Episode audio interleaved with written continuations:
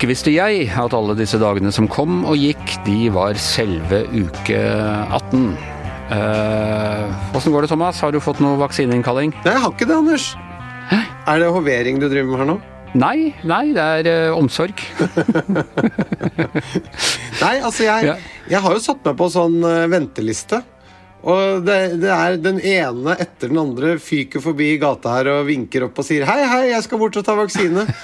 og så sitter jeg der 'ja ja, det, det skal du'. Denne uka har vi jo blitt løfta litt uh, høyere også, vi som har fått vaksine. Vi skal tilhøre den gruppa som kalles beskyttet, når vi er tre uker etter, eh, etter første skuddet. Og da, ja, det er litt sånn superevne, liksom. Da kan vi gå overalt og være overalt og oppføre oss som vi vil. Nettopp, og ikke minst, som vi snakket om, dere har den indre roen som eh, vi andre som sitter her inne i, inne i kåken og gnurer. Ja, jeg innser at jeg var litt misfornøyd og utakknemlig forrige gang jeg bare holdt på med at ja, det har jeg fått, eh, skal jeg endelig få en vaksine, føles det egentlig ikke så stort og, og sånne ting. Men uh, alt hva som jeg sier på sikt, da føles riktig bra, må jeg si. Ja, altså det, det skjønner jeg. Jeg gleder meg veldig mye til den dagen de skal ringe dere fra Sankthanshaugen bydel, som sitter her på kontoret. Bare, bare vit at uh, når dere ringer til meg, da, da blir det hyggelig. Jeg var også veldig sånn imøtekommende til hun som ringte. Jeg tror hun syntes jeg var litt i overkant, men uh, Det må være en veldig takknemlig og hyggelig jobb sånn stort sett.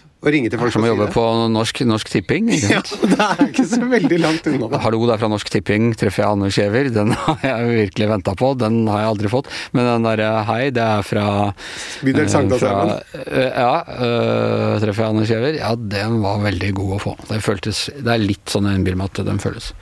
Vi skal snakke litt om, mer om følelser eh, i dag, eh, Thomas. Jeg ble veldig glad da du sa vi skulle ha Peder Kjøs. Anders og Thomas går til psykologen.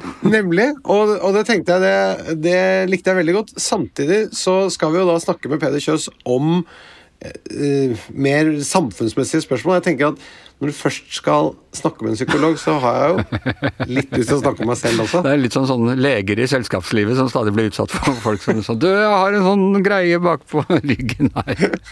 Du får se om du får lurt inn en liten sånn uh, Jeg spør for en venn-spørsmål eller et eller annet sånne ting, da, vet Du, du. jeg bare lurte på Nei, nei altså jeg, jeg, jeg skal klare å holde meg, Anders. Jeg skal det. Men uh, du skal bare vite at øh, jeg har det litt som øh, Du skal tenke deg en, en voksen mann på 50 pluss som går inne på Claes Olsson og har fått lov til å handle.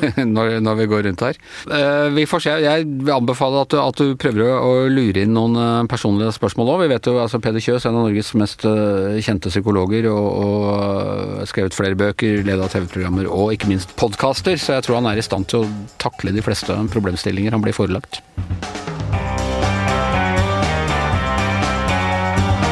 Og dermed velkommen til Peder Kjøs, psykolog, forfatter, programleder og vi må si i denne sammenheng podcaster. Du er, var tidlig ute med, med podkast. Jeg er blitt influenser. Du er blitt influenser. eh, som vi alle er, vi som driver er med podkasting. Mm. Og i denne sammenheng så har du altså vært leder for eh, det som uformelt kalles Kjøs-utvalget. Eh, ikke må forveksles med Mjøs-utvalget. Eh, som som eh, har kommet med sin eh, innstilling eller utredning om, om psykisk helse under pandemien. Mm. Og det har vært en veldig hurtigarbeidende komité. Dere fikk mandatet i mars, var det sånn? Ja, så ja, det har vært liksom drøye seks uker bare. Ja. Så, så allerede der så er det jo eh, yes, Det blir feil å kalle det Kjøsutvalget, fordi at det er på en måte på en måte ikke mitt, da. Jeg er jo bare en sånn eh, leder for en ekspertgruppe her, og det er heller ikke et utvalg, det er en ekspertgruppe. En ekspertgruppe, ja. Mens ja. et utvalg det er liksom satt sammen etter visse kriterier på visse måter og har en helt annen sånn type Avføder NOU-rapporter Ja, og sånne ikke sant. Så, så vi har jo liksom prøvd å lage en NOU på seks uker, og det går jo ikke. Du, eh, Det har vært mye snakk om, og det andre koronautvalget har på en måte gitt eh, regjeringen og myndighetene gode skussmål for måten de har håndtert det, men strykkarakter på, eh, på hvordan man var forberedt. Mm. Og har dere sett på det? Hvor godt for, er, er det mulig å være forberedt? eh, Ja, den nei. mentale eh, forsvaret, liksom? Ja, det har vi ikke helt uh, hatt mulighet til å vurdere noe mye, egentlig. Så, men uh, det har vel vært sånn at uh, i risikovurdering på forhånd så har man vært veldig opptatt av terror og sånne ting, mens det som jo er de største farene, er andre ting, sånn som f.eks. pandemi. Men det er mye vanskeligere å lage tiltak for, ikke sant. Og f.eks. sånn som at man har eh, kvitta seg med beredskapslager og tenkt at hvis det skulle skje noe, så bestiller vi munnbind fra Kina, liksom. Det, det var det som var planen. det viste seg ikke å være en så veldig god plan. Eh, så, så, det er helt klart. Men det er vanskelig. Det er litt som, det er litt som med brannsikkerhet. At du trenger ikke før du trenger det, og det er kjedelig å bruke penger på det. På noe som kanskje aldri skjer. Så jeg lurer på om det liksom sniker seg inn en litt sånn tankegang. Men med Forsvaret så er det noe annet, for krig er liksom så håndfast. Men det gjelder jo for så vidt også med, med brann og sånne ting. altså Du kan installere brannalarmer og ha mm. øh, fluktruter og, og, alt sånt, men mentalt liksom skal du gå rundt og mm. liksom passe på at folk liksom er eh, klare til å ja. bli uh, eh, smitta eller angrepet eller, eller ja, Folk orker jo ikke det, og, og det, jeg tenker det går ikke heller å gå og være forberedt på enhver ting som kunne skje. Men, men, i Norge så har vi en generelt ganske god psykisk folkehelse, og det handler jo mye om nettopp det med Eh, at vi lever i et integrert samfunn med en høy grad av tillit, og hvor folk egentlig stort sett har det ganske bra. Um, og da, da, klarer man jo belastninger. Det ser man jo også på mer individplan, at de som har klart seg dårlig, er jo de som hadde det dårlig fra før. De som ikke egentlig eh, ja, De som er liksom på kanten, da, så det ikke skal så mye til for å tippe dem utfor. Da blir det vanskelig. Så det er jo de vi liksom må passe på da, og ha opplegg for. Og det ja, det er vanskelig å skulle vurdere hva man burde hatt på forhånd, altså, egentlig. Men betyr det at vi, hvis vi skal oppsummere det, at man kan si at den mentale forberedelsen er egentlig å ha et samfunn med stor grad av tillit mellom befolkning og myndigheter, fordi da er man rustet til å til å håndtere den type uforutsette hendelser som dette. Ja, og, og eh, sammen med det, så er det, og for å få til det igjen, da, så er det viktig å ha et samfunn hvor det ikke er så store sosiale forskjeller, f.eks. For hvor man ikke har masse folk som lever veldig marginale liv og er helt på kanten. Um, og så er det jo et mer sånn kanskje psykologisk selvforsvar, for å kalle det det, eller psykologisk folkeforsvar, eller noe sånt. Um, det har vært mye sånn kampanjer, sånn her fem om dagen med grønnsaker og sånn uh, ikke røyke og bruke bilbelte og sånn. Um, men på det psykiske planet så har det ikke vært så mye av det der. Sånn liksom hvordan ta vare på deg sjøl og dine på det psykologiske planet.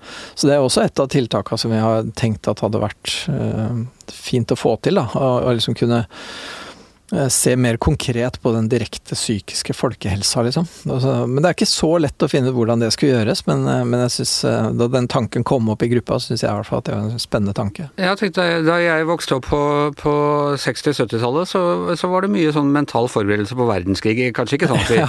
men, men, det var mye snakk om det. ikke ja, sant? Ja, Tredje verdenskrig kunne komme, og atombomben, og, og, det var liksom hvor mye den ville skade hvis den mm. traff i Oslo og sånne ting. Så mm. jeg vil ikke si vi var mentalt forberedt, men det var ikke sånn at det var et helt utenkelig scenario, liksom? Nei, det var ikke det. det jeg husker det, og, og, hvor bra det var, kan man jo diskutere. Jeg husker jo liksom folk som hadde skikkelig angst ved tanken på uh, atomkrig, uh, og det um, Ja, det gikk jo folk og hylte ute i gata om det og sånt. ja, ja, og jeg husker jo sjøl òg, jeg bodde i Sarpsborg nokså nært Rygge flystasjon, hvor de drev og fløy disse flya sine lavt uh, i høy hastighet, og det var det er sånn det var sånn dårlig stemning, på en måte, da. Men jeg hadde ikke noe sånn angstproblem, men jeg vet at det var folk som hadde det.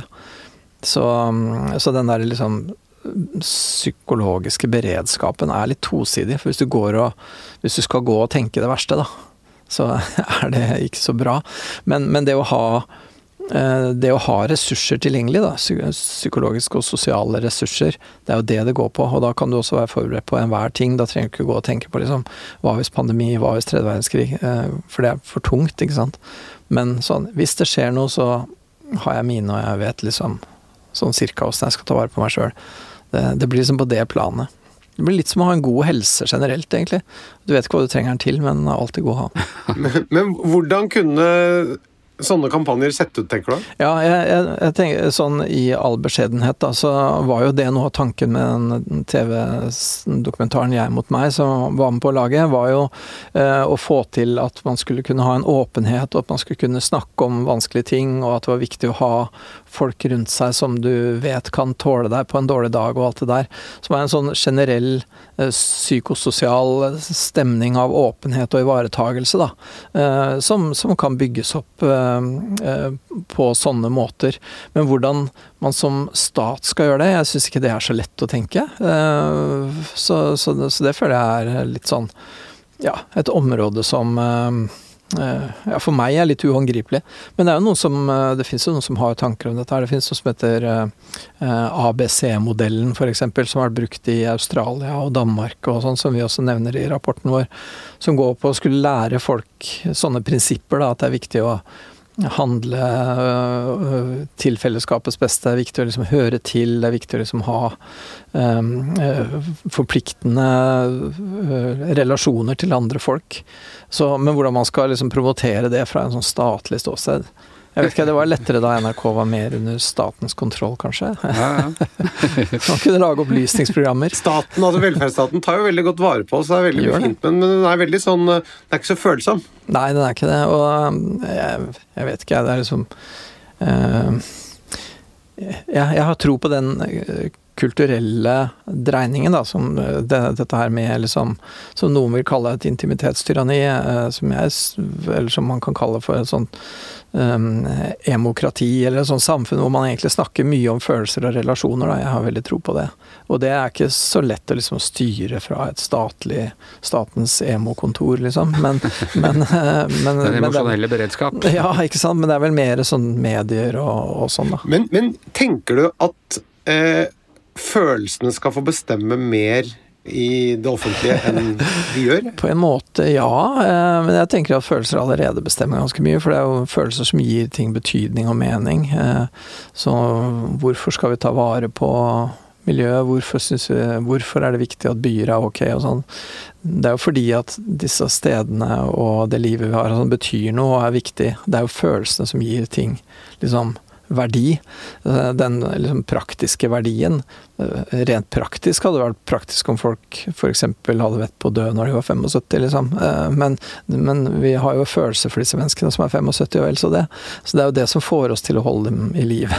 Ellers hadde vi levd i et sånt science fiction-samfunn. Ja, det hadde blitt Soylent Green, ikke sant. Ja, det, det er liksom, ja. Men er det ikke også ofte følelsene som gjør at vi dør litt tidligere også? Jo, og det er jo altså, Vi tar dårlige valg f.eks. pga. følelser, fordi vi ikke er rasjonelle? Vi tar dårlige valg pga. rasjonelle overveielser også. Så det er ikke noe det å være rasjonell versus emosjonell, da, er ikke noen garanti for at du velger riktig.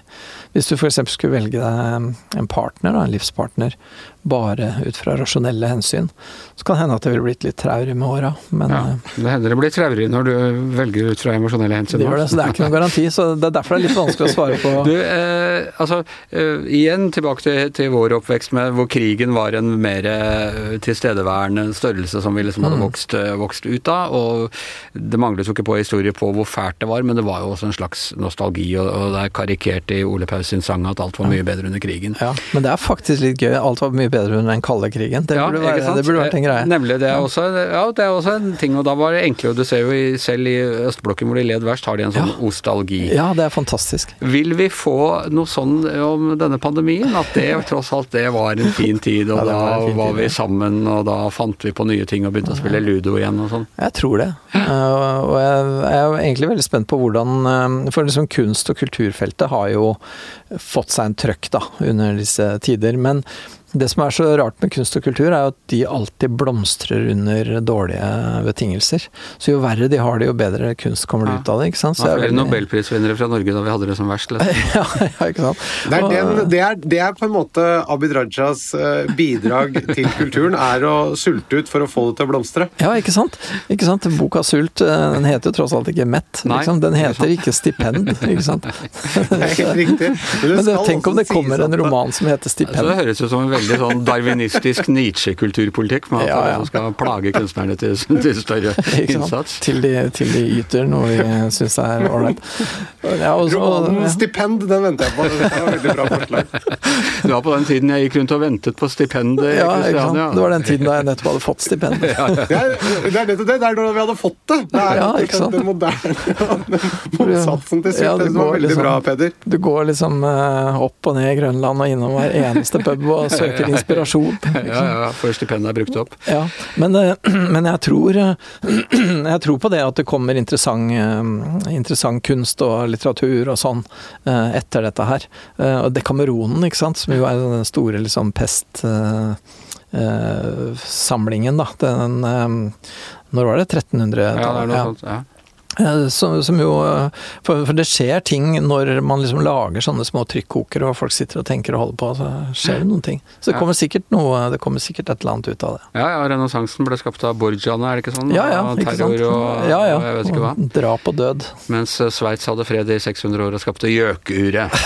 eh, du, Jeg har hørt at det er en myte. Jeg har hørt at det ikke er fra Sveits. eh, er det ikke det? Nei, er det ikke det? det er, jeg husker ikke, jeg Det er sånn ostehøvelen er ikke fra Norge. Ja, men jeg elsker sånn mythbuster-ting. ja, ja. Ja, ja. Eh, du, eh, må spørre også om eh, vaksinepasset, som nå er i ferd Mm. med å komme, og nye statuser her. Vi som har fått første dose, vi er tilhører nå beskyttet, og det er, Mm. det er en, en ny, et nytt klassesamfunn vi ser konturene av, som skal vare i hvert fall året ut. Hva tror du det får å si for eh, folkehelse, jantelov, misunnelse, og sånne ting?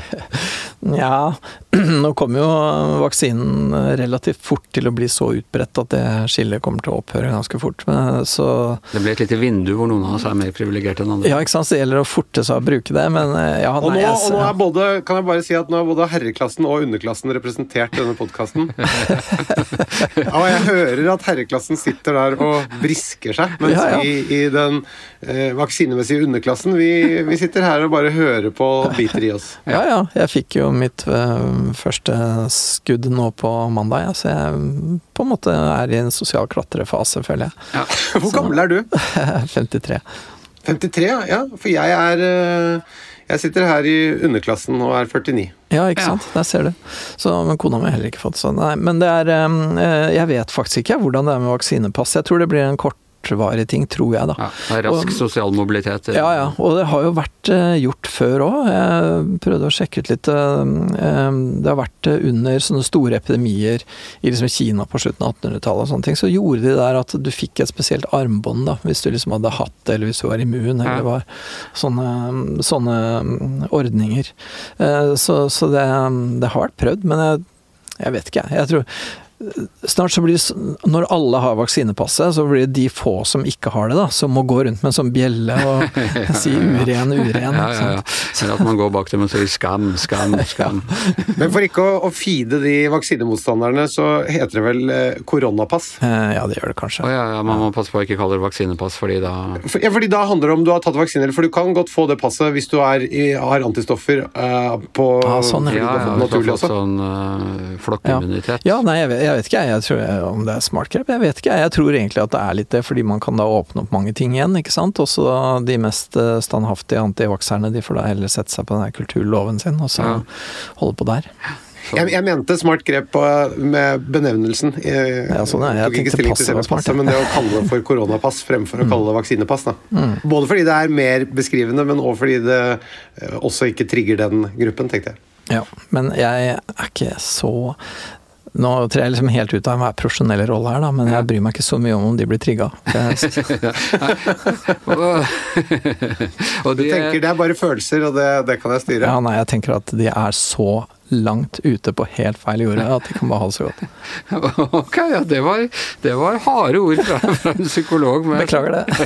det er helt i orden for meg. det var, så, det var som sagt litt uprofesjonell jeg som sa det. Ja, ja, helt i orden for meg. Jeg har et eh, anstrøk av sosialdarwinisme i meg, men uh... Nei, jeg vil jo ikke at noen skal dø, men jeg, på en måte, jeg har ingen sympati da, med Nei. det antivaks-synspunktet. Jeg, jeg skjønner ikke at det går an å opphøye seg sjøl på den måten.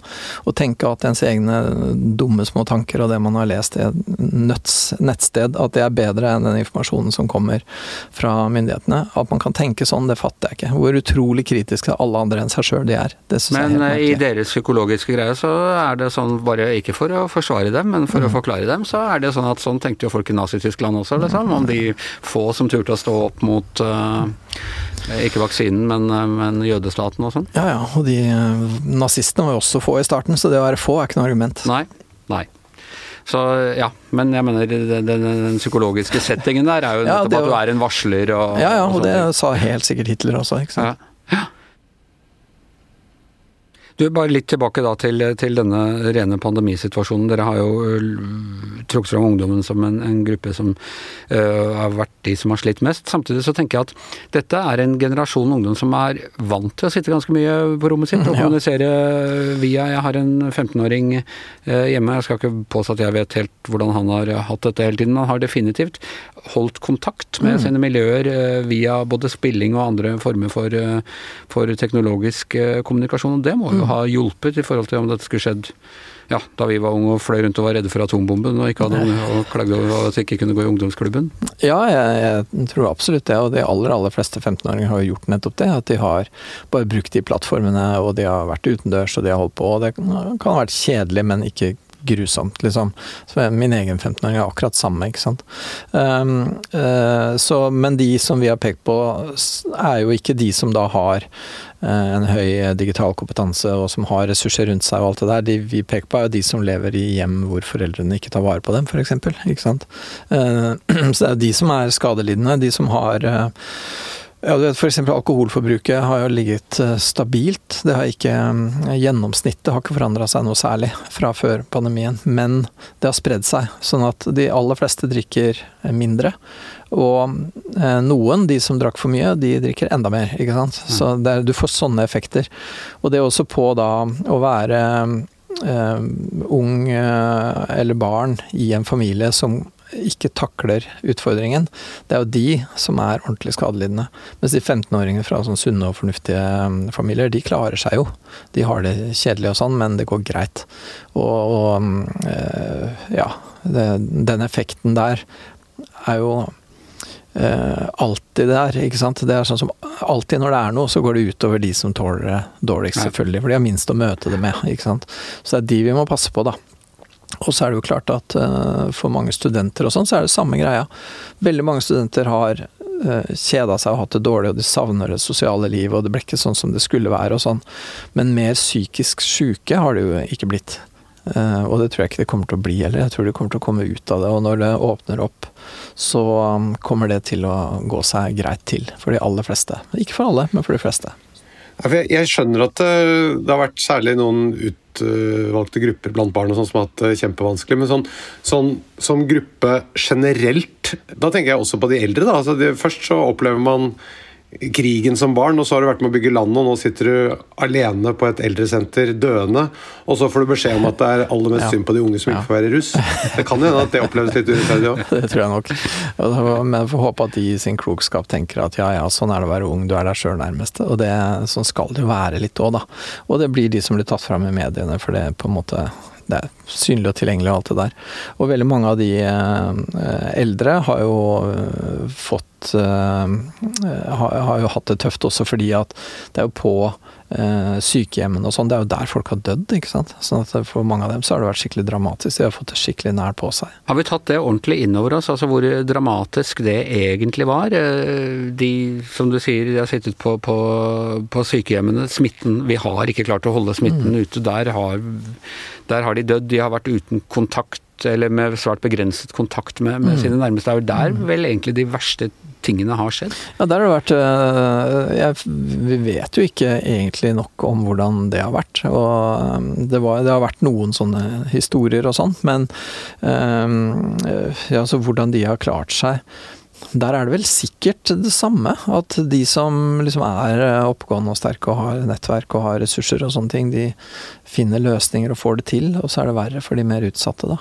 Men det er jo mange, og det, jo, det var jo også en periode der hvor det var sånn at man ikke fikk gått til begravelser og sånne ting. ikke sant? Og, og moren min hun døde av kreft i høst, midt oppi dette her. ikke sant? Og det var ikke noe særlig. Uh, vi, det var før liksom, sykehusene begynte å legge til rette og begynte å lempe på, sånn at vi hadde sånn skiftordning. For vi fikk ikke være mer enn noen få inne hos henne om gangen og sånn. ikke sant? Så det var skikkelig, skikkelig kjipt. Ja. Uh, men vi, vi ordna oss, da. Vi fikk det liksom til, på en måte.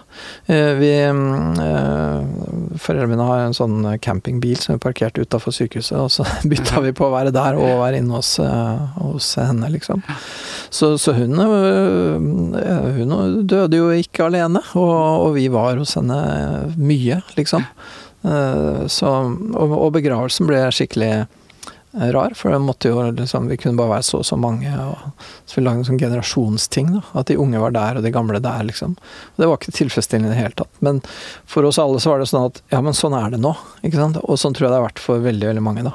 At man, ja, men Det er sånn det er. Det er ingen som har bestemt, det er ikke noen som vil det her. Det bare er sånn. Og da, da innretter man seg, da.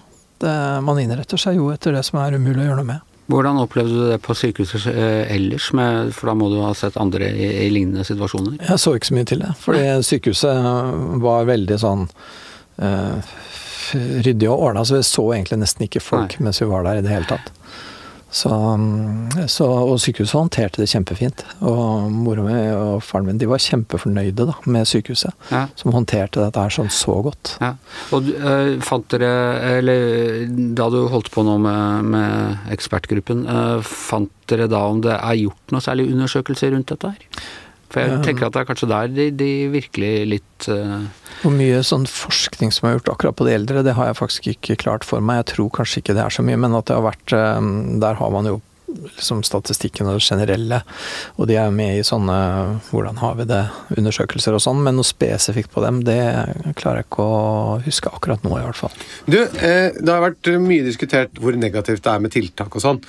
Er belastningen på oss den samme med de sosiale begrensningene når vi har tiltak, som den ville vært hvis det var viruset som sørget for de samme sosiale begrensningene? Ja, jeg syns det er et veldig interessant spørsmål, for det er ganske mye å tenke rundt det. Eh, Det hadde jo vært vært da veldig fint om man hadde en kontrollgruppe, et annet samfunn som ligner vårt, og hvor det har vært gjort på den måten, og det har vi jo heldigvis. Sverige. Sverige? Så det hadde jo vært utrolig gøy hvis, hvis de liksom lager en tilsvarende rapport som den vi har lagd i Sverige. Så kan det være moro å sette det sammen.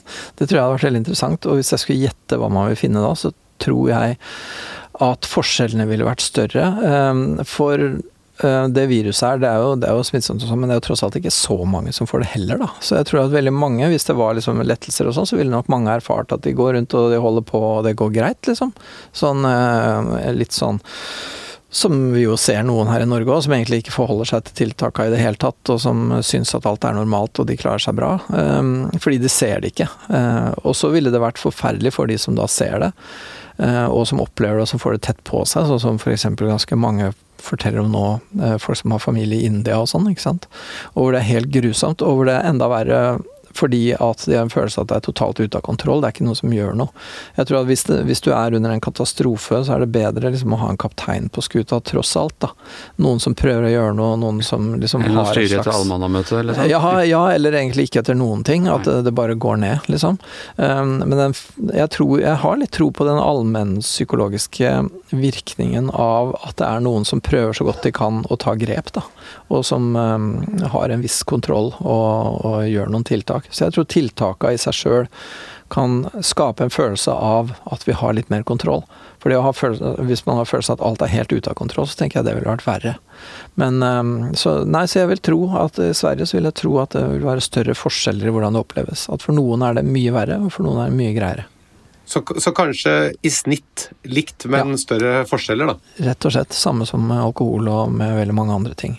Jeg traff en gammel kamerat på gata som uh, var i kjempehumør en en stund inn i pandemien. Sa at dette har jeg venta på i alle år. Han ja. mente at han hadde liksom hatt en Han var mentalt uh, forberedt til å gå i lockdown. Uh, ja, alle prepperne er jo nå ja. Ikke sant. Og alle sånne som har vært forberedt på Y2K, ja, ja. survivalist og, og De som har sånne plastkasser på loftet eller på et hemmelig sted i Nordmarka. Ikke sant. Så, så alle kjenner vel kanskje noen, noen sånne. Men er det en signifikant gruppe av mennesker eller er det en stor gruppe, og det trenger ikke da være survivor-typer, men, men, som har fått det bedre uh, under uh, pandemien? Jeg tror nok det at småbarnsfamilier, mange som har små barn, har jo fått mer tid med ungene sine og mer ro og mindre stress, og det er mindre rushtrafikk og egentlig sånn. Så, så, for mange sånn, så tror jeg nok at det har vært mange fine stunder. Men om de totalt sett vil si at det har vært bedre eller dårligere, det er jo vanskelig å si, da. Men, men det er i hvert fall Ja, også for en del skoleelever. Det er jo kanskje litt trist, da, men for eksempel så hører vi jo om skoleelever som nå har hatt et år hvor de har sluppet uh, mobbing, f.eks. Ja. Og en del som ikke har takla klassesituasjonen, og som gjør det ja. bedre når de ja. ja. ja, Og som klarer seg bedre faglig når de får ro og sånn, ikke sant. Så, så, så det er alltid Det er sånne effekter også.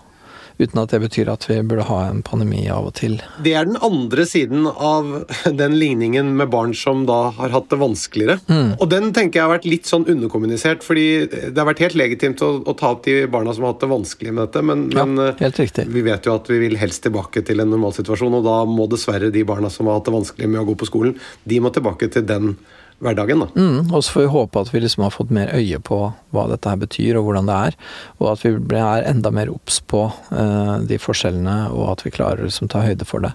Så, men det er også helt riktig at det har vært litt sånn at man ikke egentlig helt kan si at jeg syns det er litt deilig. Ikke sant? Fordi det, det er så kjedelig for de som har det skikkelig vanskelig, da, at noen sier det. Men, men det er jo sånn det er, da. Det er mangfoldig, liksom. Så for noen er det bedre, og for de fleste er det dårligere, liksom. Så selv om man sjøl har hatt det fælt, så må man på en måte tåle å høre da, at andre har eh, funnet uh, muligheter for uh, vekst og sånn på dette her. Og bare tenk på munnbindbransjen, liksom.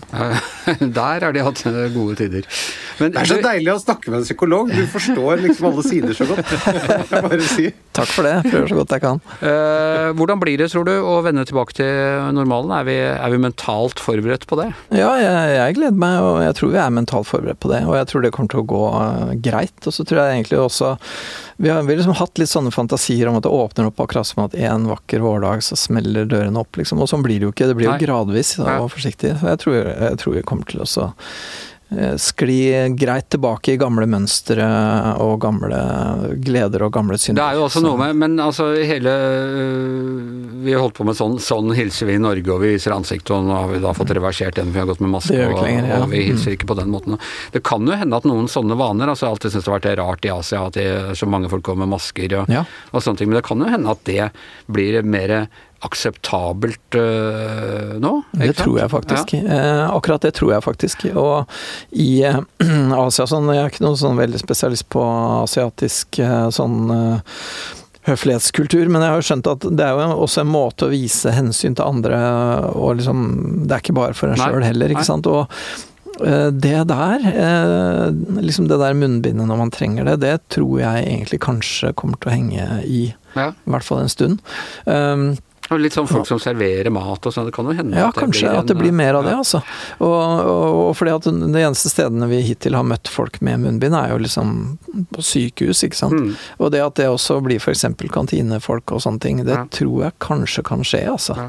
Og det rare er eh, at eh, når jeg har drevet tatt trikken og bussen og sånn i det siste, og så kjenner jeg litt mot min vilje at det egentlig er litt ålreit, da, med det Mm. der munnbindet. Mm. At det gir en form for en slags Ja, det gir en slags sånn anonymitet. Man, på buss og Ja, ja. trikk og sånn, så vil man jo liksom være i fred, på en måte. Ja, ja, og man er jo mer i fred når man pakker inn trynet sitt. Ja. Så, så akkurat det Det er ikke bare ugreit, for meg i hvert fall. Da. Så, Det er noen små detaljer som eh, kanskje har kommet for å bli. F.eks. at de som serverer på utesteder og sånn, ikke tar fingrene øverst på drikkekanten på glasset. At de bare nå permanent bytter til å holde nede på glasset når de serverer og sånn. Det, Ja.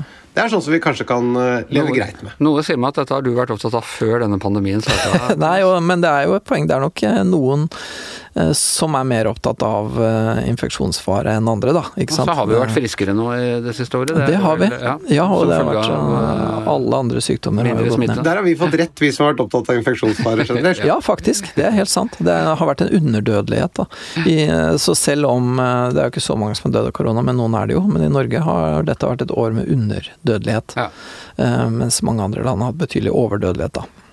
En sånn gammel vits jeg bare husker. Blaut vits om eh, hva sto det på gravstenen til hypokonderen? Hva sa jeg? Ja, ikke sant. Eh, vi har hele tiden vært opptatt av hva, hvordan vi skal putte penger inn i økonomien igjen, og nå mm. åpner muligheten seg for alvor. Har du kjøpt noe, eller har du planlagt å kjøpe noe nå siste tiden som utover eh, dagligvarer? Uh, nei, egentlig ikke. Jeg har ikke noen sånne større innkjøp på um, plakaten, altså. Jeg håper jo egentlig nå, I fjor sommer så ble det jo norgesferie, og det var innmari fint. Det var liksom overraskende overraskende hvor ålreit det ble. Eh, litt fordi at vi jo måtte, og det man må, det får man til, og det setter man pris på, liksom. Så, um, så, så liksom det å kunne begynne å bruke litt penger på å dra på tur igjen, det gleder jeg meg jo for så vidt til. Men om det blir norgesferie i år også, så er det helt greit for meg, egentlig. Og Ja. for familien også, tror jeg. Ungene syns også det var kjempefint. Ja. Ålesund, liksom. En knallbra by. Ja, ja. Når er bra vær? Er det aldeles nydelig Det var det faktisk da vi var der. Så, selv om det eneste Alle butikkene i Ålesund selger bare regntøy, da, så Ja. fikk vi følelsen av. Men Det er jo en av Norges vakreste byer, helt uten tvil. Både Ja. omgivelsene og arkitektonisk. ja, fantastisk. Så, men ellers så har jeg ikke noen store innkjøp på trappene, nei. Nei. Hva med deg, Thomas? Har du kjøpt noe? Du, Denne uken så har jeg kjøpt en sånn Clean Buddy, Ja. som eh, rett og slett vasker skjermen. Ok. Ja. Ja. Du sprayer den Eh, på det- skrubber, eller? Nei, ikke skrubbe. Eh, Det er en veldig Nei. fin klut som ikke riper opp glasset. Så Ok, det, ja. du, men du sprayer den på, ja. Ja. Anders, hva har du kjøpt, da? Uh, du, jeg har ikke kjøpt noe, men jeg har, jeg har bare begynt å sysle med en tanke på noe jeg, vet du har, Thomas. Oi! Uh, og det var at jeg i går så var jeg og skulle lage ja, Et av kickene jeg har hatt nå under pandemien, har vært å lage ordentlig italiensk mat og pasta og sånne ting. At nå, skal, nå er det slutt på bacon og sånne ting. Nå skal det være ordentlig pancetta og sånne ting. Og så, var jeg, og så kjøpte jeg et stykke pancetta, men han jeg kjøpte nå, han ville ikke skjære den opp. Han solgte den bare i ett stykke, og Oi, da begynte jeg å tenke på den derre svære skinkeskjæreren du har eh, stående på kjøkkenet. Herregud. Eh, som tar sin plass, det må sies, men akkurat da bare kjente jeg begynte å begjære den, og så begynte jeg å google skinkeskjærere. Ja. Men jeg bare så for meg en sånn som elegant skjærer den skinka i løvtynne skiver. Det var ja. Altså, jeg må bare si skinkeskjærer. Altså, det er jo eh, blanding av fantastisk praktisk, men også ingeniørkunst på høyt nivå og estetisk nytelse. Så Det er ikke bare et kjøkkenredskap, det er en skulptur. ja, men hvor ofte bruker man skinkeskjæreren sin? Nei, altså bruker den hver dag, men da som Gjør du sagt, det? er todelt. Det ene er til å se på. Ja, ja, ja. Da bruker jeg den hver dag. Og så til å skjære med bruker jeg den ganske sjelden. Ja, ja. Mm. For du bruker den ikke til å skjære brødskiver. Nei, nei, nei, det, det, det er den ikke til. Og jeg har faktisk sansen for sånne ting. Da. Det å ha fine ting som man virkelig gleder seg over. Men av plasshensyn så går jeg mest for ting som jeg også bruker relativt ofte. Så Det var også litt 90-tallet. Alle skulle ha sånne Alessi-ting som sto rundt og var veldig dekorative. hadde ikke så veldig praktiske. Ikke så veldig praktiske. Så Den der eh, sitruspressa var helt ubrukelig, for Ja, ja, eksempel. ja. Så, ja den spruta Denne- til alle kanter. Ja, Ja, og, men den var kul, da. Ja. Uh, gjorde seg i boligannonser. Um, og, men uh, jeg har en veldig fin kaffemaskin, da. Så, Ja. Og den bruker vi sykt mye, og den er veldig fin å se på. Og den er italiensk, selvfølgelig. Ja, det gir en sånn hyggelig stemning i rommet, da. Mm, det gjør det. Das Ding an sich, Ja, og, tingen i seg selv. ja, ikke sant. Og den står der med grønt lys, og noen ganger skifter det til rødt en liten stund, og så er det grønt igjen, og så lager den Så gir den fra seg et lite gisp, Ja. og så Ja, står den der og koser seg. Ja. Det er bedre enn å ha hund, du slipper å gå tur med den. Thomas har i pose og sekk her. Du mener, du mener skinkeskjærer og hund? Men, eh, men hva har du mest glede av, bikkja eller eh, skinkeskjæreren, eh, Thomas? Vær ærlig. Sånn, sånne spørsmål kan man ikke Det lar seg ikke ikke Hva vil psykologen si om det? Ikke, ikke putt hunden i skinkeskjæreren, vil jeg si. Giæver og Gjertsen er over for i dag. Tusen takk til Peder Kjøs. eh, Tusen takk til Thomas Gjertsen. Jeg heter eh, Anders Giæver, og podkaststudios fineste prydgjenstand er som vanlig vår eh, produsent Magne Antonsen.